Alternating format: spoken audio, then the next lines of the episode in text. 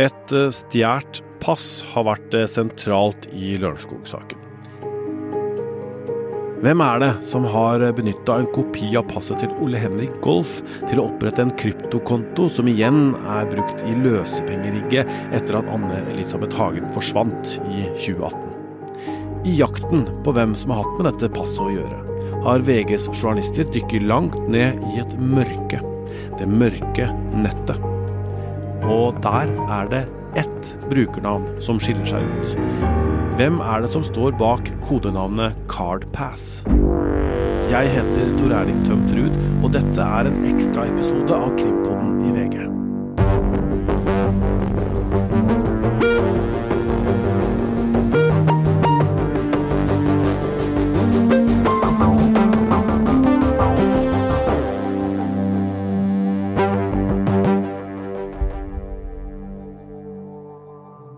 Anne Elisabeth Hagen, kona til milliardæren Tom Hagen, forsvant sporløst fra hjemmet sitt i Lørenskog 31.10.2018.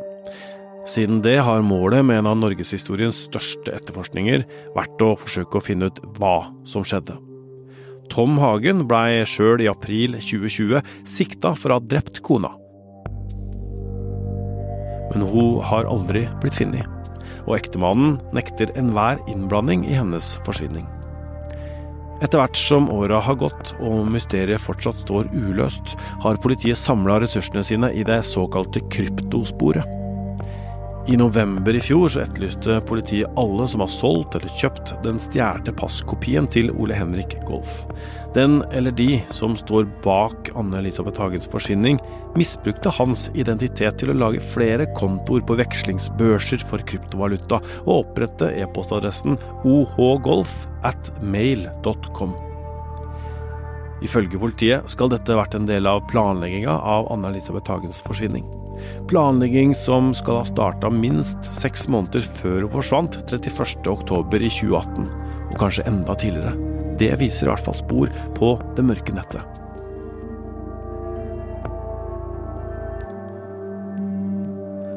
Og nå sitter jeg og Øystein Milli her og skal snakke med Jonas Alsaker Wikan, som jobber i E24, som samarbeider med VG. Og Jonas har sett nærmere på en del av internett som jeg aldri har vært borti før. Hva er det mørke nettet, Jonas?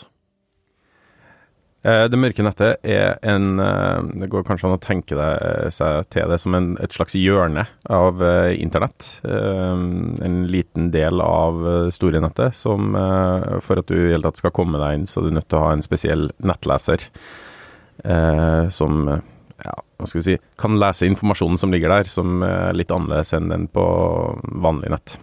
Altså nettleser er det? En nettleser som heter Tor-browser. Um, det er laga og utvikla i USA. Uh, opprinnelig som en sånn sikker kommunikasjonsløsning. Um, brukes av uh, folk i, uh, som er under, undertrykt. regimer hvor man har sensur osv. Som man ikke kan spores. og dessverre så har en del kriminelle funnet ut at den delen av internett fungerer bra til kriminalitet. Hva er det jeg kan finne der, da? Nei, først og fremst eh, så er det jo dessverre veldig mange typer narkotika til salgs. Um, men egentlig alle, alle de verste tingene som du kan tenke deg, uh, kan du egentlig finne der, da. Det blir et slags finn.no for kriminelle? Ja, deler av det eh, har sånne sider som, som, fungerer litt som Amazon eller Finn da, for f.eks. narkotika eller eh, falske identitetsdokumenter. Skadevare, alle mulige sånne type tjenester og produkter. Nettopp. Så vet vi at politiet i Lørenskog jager jo med stor kraft og intensitet fortsatt uh, flere spor. Uh, et av disse sporene, eller noen av sporene, knytter seg jo til det vi snakker om nå. Um, og i november, var det vel, november-desember, så, så, gikk de jo ut, og Ole Henrik Golf gikk ut med at det var hans pass som var misbrukt i denne saken brukt uh, uh, til bl.a. å opprette uh, Altså det var jo snakk om en mailadresse, var brukt firmaadressen hans og var jo brukt i kryptosammenheng. Um, og da lurer man jo på hvem er det som har hatt hånd om dette passet. Og da er jo en av de sporene man undersøker, er jo uh, selvfølgelig hvem som har sittet med det til slutt og brukt det til Lørenskog-saken. Men en annen, flere andre, det kan jo være flere mellomledd eh, og flere selgere og kjøpere på veien. Det vet man jo ikke. Men du har jo sammen med de andre i teamet jobba litt med å se på uh, hva som kan ligge bak her. Kan ikke du fortelle litt om, om den jobben det, dere har gjort? Nei, en av de tingene som kan være interessant i, i uh, Lørenskog-sammenheng her, er jo uh, hvem som har uh, solgt passet. Altså hvilke selgere mm. har solgt Ole Henrik Golfs pass? Ja, ja. på det mørke nettet. På det mørke nettet, For det er flere? Ja, det, eller man tror det er flere, i hvert fall. Ja. og det vi har gjort, er å prøve å finne ut hvilke, altså hvem det var. og vi mener i hvert fall at vi har eh, funnet en som mest sannsynlig har solgt Golf sitt pass på et tidspunkt som i hvert fall passer inn i foranledninga til alt som skjedde oppe på Lørenskog. Um, og det er jo interessant fordi at det er nytt, det, det ene. Og det andre er jo at i en litt større sammenheng, så den her selgeren av passet um, hvis vedkommende har solgt det da, til, til de som er involvert i Lørenskog-saken, så kan det være at man sitter på informasjon om de, eh, som kan ha verdi eh, i forbindelse med å oppklare. Men, men, du vet ikke hvem, altså akkurat hvilken person dette er? Det er et brukernavn du veit hva er, og det er Cardpass. Hva, hva kan du si om det brukernavnet? Nei, det er jo et brukernavn som uh, har omsatt uh, falske identitetsdokumenter uh, på det mørke nettet i, siden i hvert fall 2015, etter det vi kan se. Og det er jo ikke knytta direkte til norske, norske, identiteter heller. så for Golf sin del, eller Golfpasset sin del, så er nok det dessverre en tilfeldig mer eller mindre tilfeldig del av produktkatalogen. Da til, til Cardpass, og det er sikkert også tilfeldig at man eventuelt kjøpte det av han, da, hvis det er riktig. Det er jo også andre som selger ulike former for uh, identitetspapirer på, på dark web til enhver tid. Fortsatt i dag også, så ligger det tilgjengelig norske både pass og førerkort. Hvordan fant du Cardpass, da? Nei, det som er vanskelig med å øh, arbeide med, med, ting på dark web, det er at øh, de her markedsplassene, som vi kaller de, øh, de forsvinner alltid. Etter en viss tid. De sletter, sletter sine spor? Nei, eller av og til så gjør de det. Som regel blir de tatt av politiet. internasjonale politiaksjoner er utbredt. det andre som også er utbredt, er at de som har oppretta de, um, legger ned sida og tar alle, si, alle bitcoinsa som står i systemet. og uh, altså skurkene, ra, rane skurkene, da. Mm. For hva skal skurkene gjøre? De går, kan ikke gå til politiet. Eh, så de forsvinner i hvert fall, og, og all uh, informasjonen som ligger der, forsvinner jo også. Um, og det, da er det krevende å skulle hente igjen den flere år etterpå. Uh, og det er på en måte det vi har forsøkt å, å gjort i denne saken her, da. Du sa bitcoins. Er det sånn at man betaler utelukkende med kryptovaluta når man skal kjøpe seg en falsk identitet? I hvert fall hvis man bruker markedsplassene på, på dark web, så er det stort sett kryptovaluta du må betale i.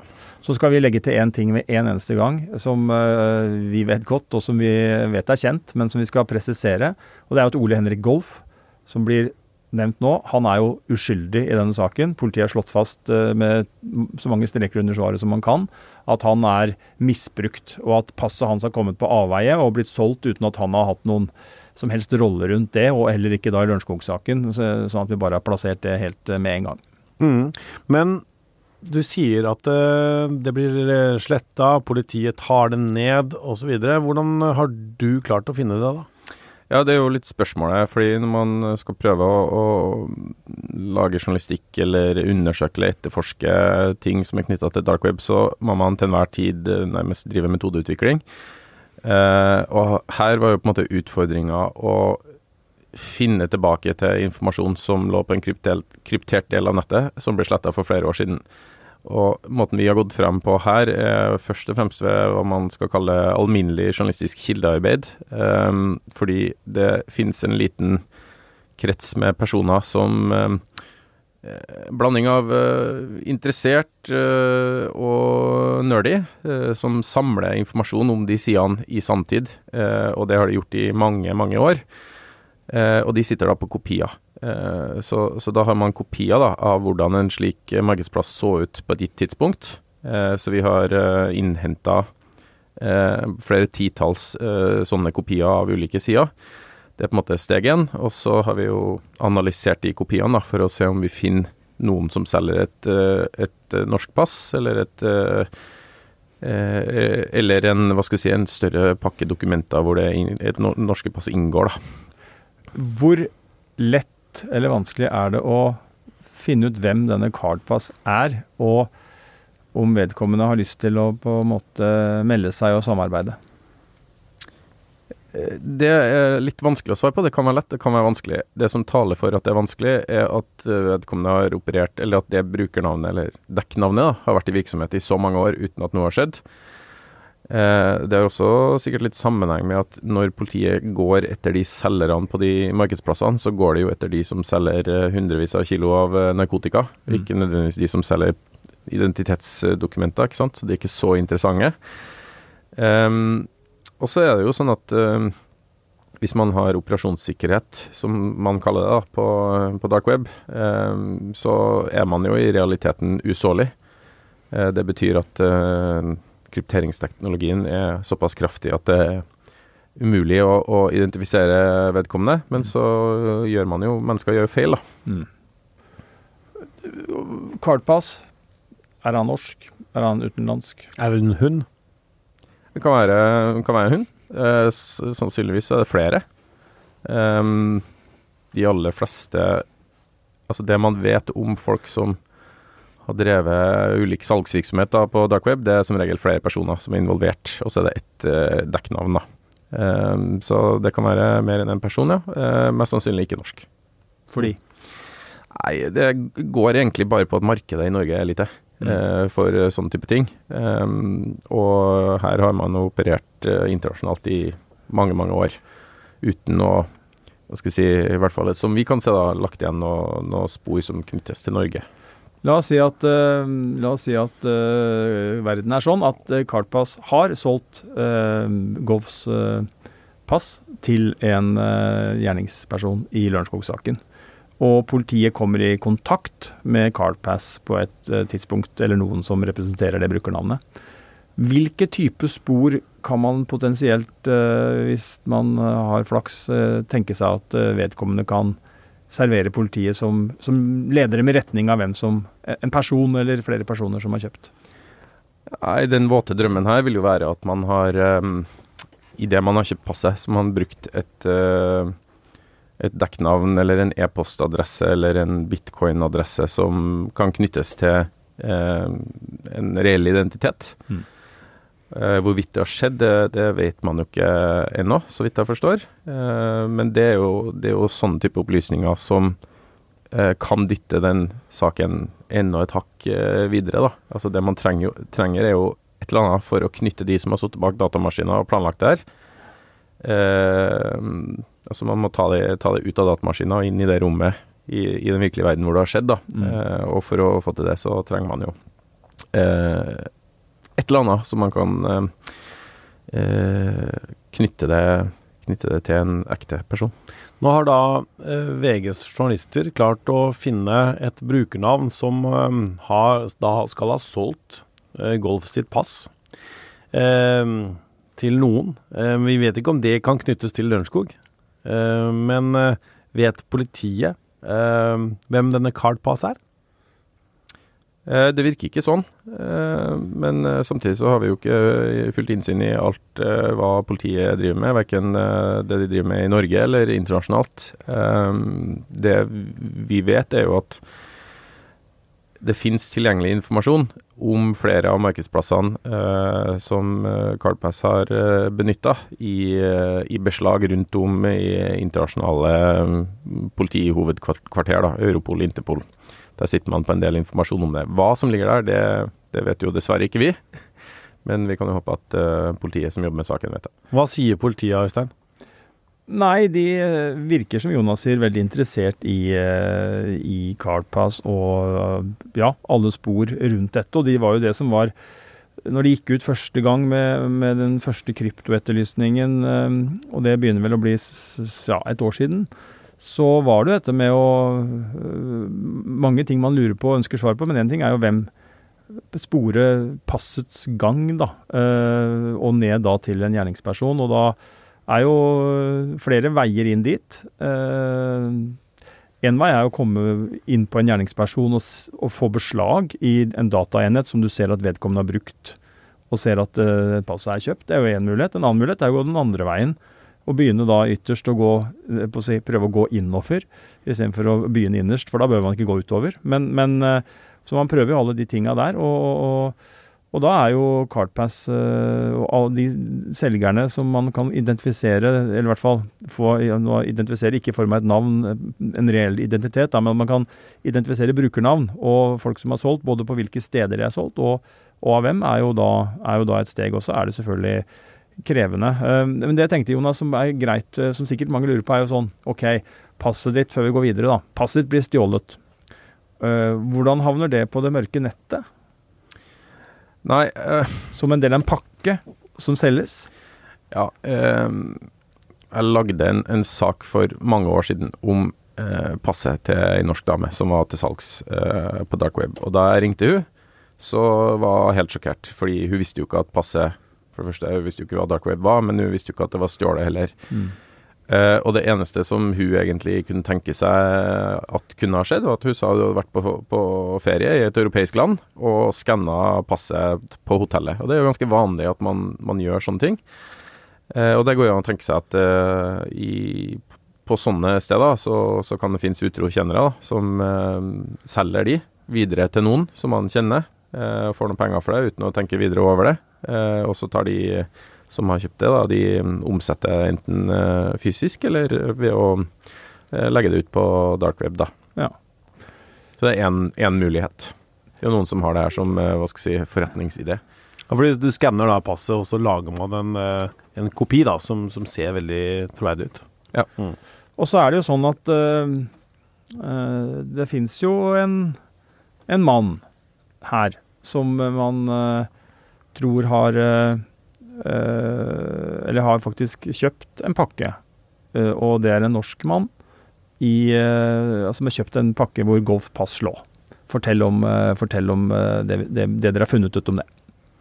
Ja, det her er jo da en, en norsk person som vi har uh, identifisert som kjøper av passet. Uh, og så kan vi jo si med en gang han er også sjekka ut av Lørenskog-saken, så han har ikke noe med Lørenskog-saken å gjøre. Eh, men det er jo en av de da, som, eh, som, eh, politiet også har klart å identifisere, basert på den etterforskninga som de gjør på, på det mørke nettet. og vi snakka jo med han personen her. Han sier jo at han hadde kjøpt det fordi han tenkte han skulle gjøre noe små, små greier. da, ja. Noe småkriminelt. og, og sånn tror jeg nok det er en del som gjør, da. En del gjør det også fordi at de syns det er interessant å se hvordan det fungerer med med det, de markedene og, og, den økonomien osv. Og så er det jo er det noen som bruker det til mer alvorlig identitetstyveri, da, og sånn som i planlegging i, i Lørenskog-saken. Hvordan reagerte han da VGs folk ringte ham? Han var jo overraska, eh, og det er jo til felles for alle som skjuler seg med dekknavn på det mørke nettet. De har en tendens til å bli ganske overraska når, eh, når, det går opp for dem at det går an å, å identifisere dem, for det gjør det virkelig. Eh, og det blir bare flere og flere muligheter til å gjøre det. Før så var det enda vanskeligere, men nå har man ganske mange veier til, til målet her, da. Så, så han han var litt overraska, men han skjønte at uh, VG sine journalister jobba på Lørenskog-saken, og kobla ganske kjapt hvorfor, uh, hvorfor, han ble oppringt. da. For da hadde han allerede vært i kontakt med politiet? Ja, han hadde blitt sjekka ut. Ja, og, og, så kan man jo si at si, heldigvis for han, selvfølgelig, og uheldigvis for politiet, da, så er jo det en identifisering av en person som de da klarte. Eh, er jo da ikke et spor som leder, man, leder politiet noen videre en løsning i Lørenskog-saken. Men det viser jo da at man kan klare å komme ned på identitet, konkret, eh, virkelig identitet. Gi oss en analyse av hva du tenker om muligheten for å klare å finne den riktige uh, kjøperen, altså siste leddet, den som har, er involvert i Lørenskog-saken og som har brukt passet til golf.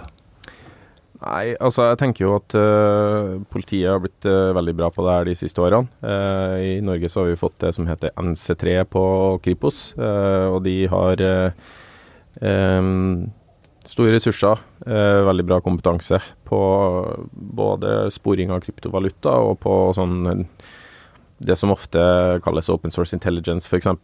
knytta til å avdekke ting på, både på åpent og lukka nett. Um, så, så jeg tror det er gode muligheter for at vi får til det. Hva tenker du om mulighetene ellers? Altså hvor, hvis du skal, Nå skal vi dreie oss litt over på eh, Lørenskog-saken eh, i det større bildet, og kryptorigg i det større bildet. Men hva tenker du er de svakeste punktene og de beste mulighetene for politiet i dette kryptorigget som vi snakker om?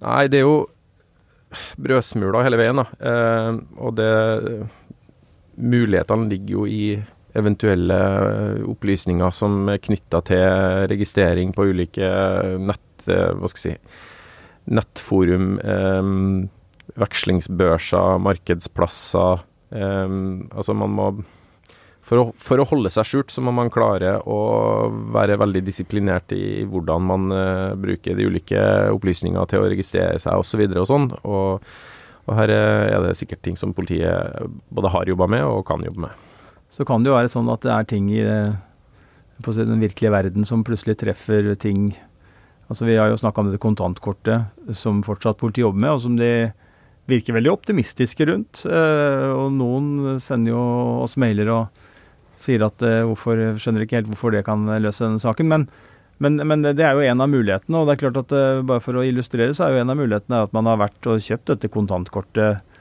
cash eh, uten å bli spora i en av disse to bunnprisbutikkene. Og så kan man kanskje ha kjøpt seg en uh, brus eller en pølse, eller parkert bilen, eller brukt mobiltelefonen, eller uh, Og så spørs det jo hva politiet har henta og kan hente av elektroniske spor så lenge etter. Da. Men det er også et eksempel på hvordan ting kan falle sammen og politiet må Det er jo et svært puslespill, mm. rett og slett. Mm.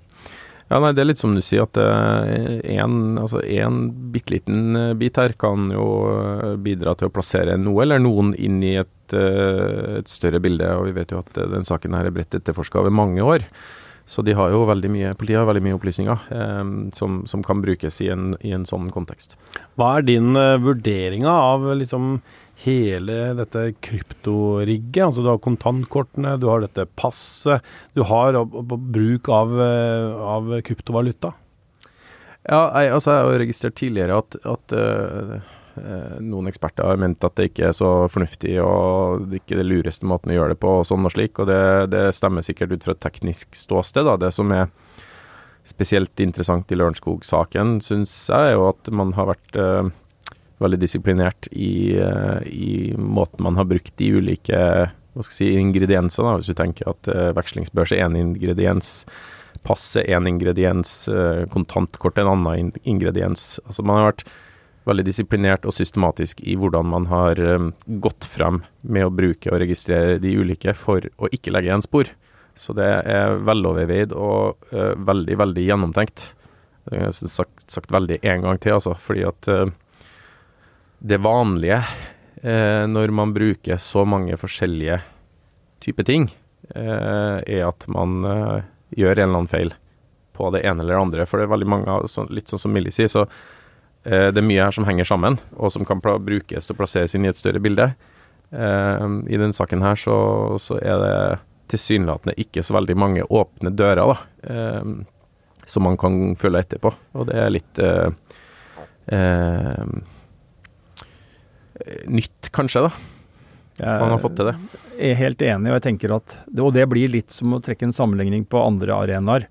Når man sitter i ettertid og skal vurdere noe noen har gjort, uh, enten det er å skrive en bok eller gjennomføre et uh, maratonløp eller hva det er, ikke sant, så har jo vedkommende hatt en plan underveis. Og, og, gjort ting som vedkommende der og da tenker er lurt ut fra målet man har. Og det samme har jo denne kryptoarkitekten gjort. Og så kan folk sitte etterpå i fred og ro og peke på der er det ditt og kunne gjort sånn og datt og sånn. Men det syns jeg ikke er så interessant. Jeg er mer interessert i å sette meg inn i det mindsettet som jeg mener skinner gjennom dette kryptorigget, og hva slags profil denne kryptoarkitekten har. Og jeg kan ikke mye om uh, Ikke nærheten uh, av å kunne alt det Jonas kan om mørkenett og kryptovaluta osv. Men jeg kan litt om uh, Jeg har vært borti noen saker hvor folk har forsøkt å skjule sporene sine i kriminelle handlinger. Og vi kan godt ta en parallell til Nokas-ranet. Det er ikke vanskelig å finne tabber og helt sånn Å, gjorde de det? Ikke sant? Men mindsettet deres Uh, og forsøket deres er jo det som er interessant, for det er det som kan si noe om hvem vedkommende er og hvordan de tenker. Og der mener jeg at dette er, som Jonas sier, veloverveid, kalkulert, forsøkt skritt for skritt og hatt høy operasjonssikkerhet. Prøve å legge igjen null spor. Uh, og sikkert trodd at man gjør det. Og så er det jo veldig stor forskjell på hva du gjorde og tenkte og visste om et uh, mørkenettgrep eller et kryptogrep i 2017 2018 og det som er realiteten i 2022. Så tida virker jo sånn sett mot vedkommende, og det er lettere å si nå hva som er dumt ut fra dagens perspektiv, enn det var å si hva som var dumt og ikke i 2017-2018. Uh, og, og, det er klart at når man ser da at man har brukt uh, Dash, Bitcoin, Monero, uh, Tor-mailer, man har brukt et kontantkort som politiet mener at gjerningspersonen har hatt hånd om på et eller annet vis, eh, som ikke er aktivert. Eh, det vil vel si at man har hatt det for hånda, tror jeg, og tenkt at hvis vi må aktivere, så må vi gjøre det. Men vi prøver ikke å gjøre det. Og så har de klart å registrere seg eh, på Kucoin uten å bruke det. De har, stjert, de har et pass som har vært stjålet. Eh, de har brukt eh, eh, en e-postadresse som er falsk. de har Altså det er skjult spor hele veien, da. Og det tenker jeg at Jeg mener jo ut fra min, mitt ståsted at det ikke er så veldig mange Og så mener jo politiet at det er norsk gjerningsperson, person R. Og jeg mener at det er ikke mange uh, som på en måte oppfyller den profilen som jeg mener skinner gjennom her. men det er langt bedre å spørre Jonas uh, enn å, om jeg skal mene akkurat noe om det. Uh, om hva du tenker om, om det. Hva, hva, ser man her? Liksom Nei, Med det man vet da, uh, fra åpne saker som ikke har noe med Lørenskog å gjøre, så er det jo et, i utgangspunktet ganske begrensa antall personer i Norge som hadde hva skal jeg si, kryptokompetanse og eh, evne og vilje til å gjennomføre kriminell aktivitet på det mørke nettet eh, i 2017-2018. Eh, og la oss si at av de da, som på en måte har det, så, så må du jo opp eh, noen knepp hvis du skal komme til en mulig eh, bakmann i, i Lørenskog-saken, fordi igjen det er såpass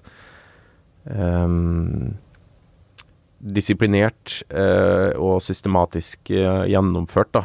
Eh, Tilsynelatende nå, mm. Fire år etter, mm. så ser det jo sånn ut. Vi får jo se den dagen noen blir, blir, pågrepet og det kommer behandling i retten, om det er sånn som du nevner med Nokas-ranet. For at i ettertid så kan man jo si å herregud, gjorde de alle de rare tingene der? Mm. det kan være at det er sånn her også, men slik det ser ut, så ser det veldig um, kompakt ut. Opplegget ser veldig kompakt ut. Det er lite, lite, som, lite av feil som har uh, rent ut da, mm. i, i, i, de ulike um, kanalene på, på det mørke nettet. Uh, og det er det som er spesielt. Um, veldig mange som begår kriminalitet på dark web, de legger igjen spor. Mm. Fordi det er veldig mange ting å huske på. Mm. Um, teknologien er jo nær sagt ufeilbarlig, mm. men uh, å bruke den riktig, sånn at den blir jo i praksis ufeilbarlig. Det er det som er, det er det som er veldig vanskelig. og det er få, veldig, veldig få som får til det. da. Og som har hva skal jeg si, både den evnen eh, og så vilje eller eh, eller eh, bekjentskaper som kan begå de andre delene av, uh, av Lørenskog-saken i den fysiske verden. Kan jeg be deg uh, gi et anslag på liksom, Klarer du å komme med et tall som du var sånn helt kan eh, Sånn som alt det vi vet nå, og vi er tilbake i 2017-2018 Tør du gi et anslag på hvor mange personer i Norge som kunne passe den profilen vi sitter og analyserer? Ja, Da må jeg jo uh, snakke litt for egen regning, og basert på de uh, sakene og undersøkelsene som jeg sjøl hadde gjort uh, på dark web og, og den, det norske miljøet der, da. Mm. på den tida her. Og, og, nei, det er veldig, veldig, veldig få, altså. Under fem. Under fem? Ja, på det tidspunktet her. Oi. Men det som er spesielt med denne saken her også, at det trenger ikke bety Selv om de har hatt den kompetansen her, så trenger det ikke å bety at man har vært i eh, del av noe miljø på det tidspunktet her. Sant? Det kan jo være noen som har Mm. nær sagt lest seg opp i ro og mak over lang tid med tanke for å bruke det her en eller annen gang, og dermed ikke ha noe eh, koblinger til, til de som, eh, som, som brukte det aktivt i Norge på den tida her. Eh, og det, hvis det er sånn, så er jo det vanskeligere for, eh, for politiet, da. Mm. Ja, for du har de kjente aktive brukerne, og så har du de som er ukjente. Så det kan være flere, da. Ja, altså eh, det, det man vet om eh, norsk krim på, på dark web i perioden før det her, var jo at man, noen omsatte narkotika ikke sant, og ble tatt, og noen fikk dommer for de, for de tingene her. Og i kretsen rundt så er det jo masse, masse folk, eller en del folk, da. sant, og så, så hvis man skal tenke seg at det er noen i det miljøet her som kan nok til å gjennomføre de stegene som man har sett her, så det er veldig få. Eh, og så er spørsmålet om det er noen utenfra, da. Eh, noen med eh, en eller annen form for uh, formell eller uformell teknologikompetanse som Mm. på et eller annet tidspunkt har uh, enten blitt eller funnet ut at de skal bli kriminelle. Eh, og da, da er det jo litt sånn litt færre innganger da, eh, for å finne de personene, hvis ikke de har noe historikk. Denne Monero-transaksjonen som ble gjort i 2019, er, hvor god er muligheten for å spore den med med 2022-kunnskap og Nei, kan si Monero er jo vanskelig, eh, og det er vel sikkert derfor man hadde Hvis ikke det er bare eh, villedning, da. Men, Mm. eh, men Monero er fortsatt vanskelig.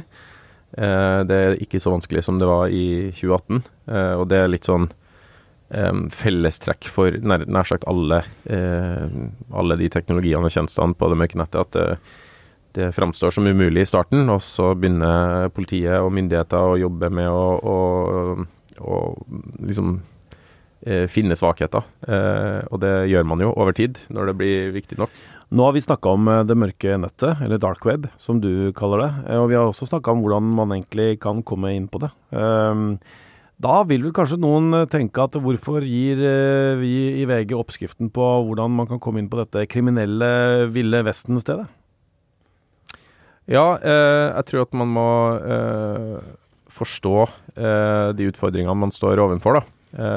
Og mm, tidligere så har eh, dark web vært brukt til å selge narkotika til unger, f.eks. Eh, det, det nytter ikke å liksom se bort fra det. Det skjer. Eh, og da tror jeg både vanlige folk, foreldre, eh, ansatte i, i ulike etater som må, må vite noe om hvordan de greiene her fungerer. Og alle som er interessert i det her, de klarer å finne det sjøl.